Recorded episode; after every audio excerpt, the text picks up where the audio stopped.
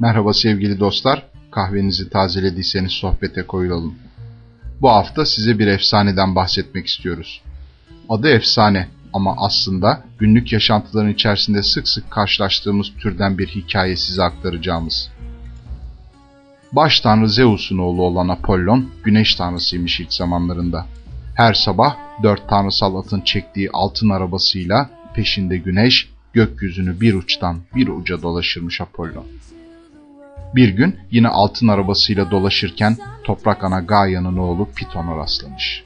Piton'dan geleceği okuma yeteneğini dalmış Apollon. Ama aynı zamanda karanlıkları da temsil eden bu koca yılanı öldürmüş ve aydınlığı bahşetmiş insanlara. Bundan böyle aydınlığın, bilgeliğin, düzenin ve idealin de tanrısı olmuş. Ama Piton'u öldürerek tanrısallığının kirlendiğine inanmış Apollon.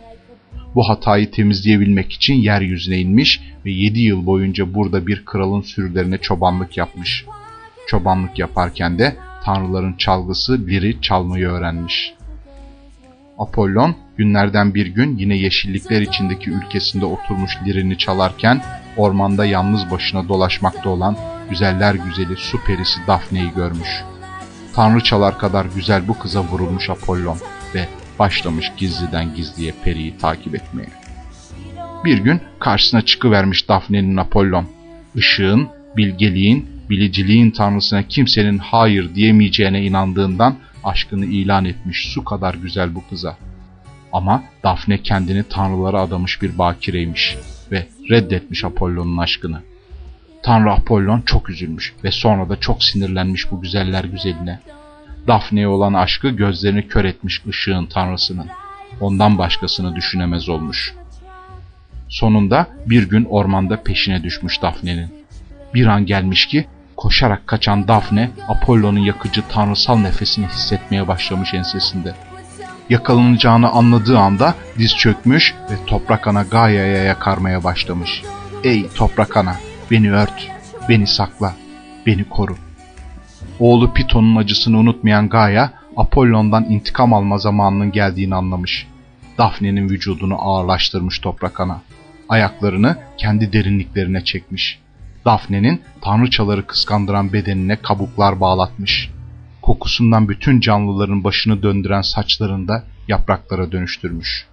Apollon'un sarmayı başaramadığı zarif kollarını uzatmış ve dallar ortaya çıkmış. Böylece güzel Dafne bir defne ağacına dönüşmüş. Gördükleri karşısında şaşkınlıktan ne yapacağını şaşırmış genç ve güçlü Apollon. Kavuşamadığı Dafne'sine sarılmış ve Dafne, bundan sonra sen Apollon'un kutsal ağacı olacaksın. O solmayan ve dökülmeyen yaprakların başımın tacı olacak. Değerli kahramanlar, savaşlarda zafere ulaşanlar hep senin yapraklarının alınlarını süsleyecekler.'' Şarkılarda, şiirlerde adımız yan yana geçecek demiş. İşte defne ağaçları böyle ortaya çıkmış ve çoğalmış yeryüzünde. Rivayet ederler ki bu olay Antakya'da geçmiştir. Bu yüzden şelalelerin etrafındaki o büyüleyici güzellikte defne ağaçlarının arasında gezerken Apollon ve Daphne'nin orada olduğunu hissedersiniz. Ve anlarsınız ki gerçek sevenler mutlaka birleşir sonsuzlukta.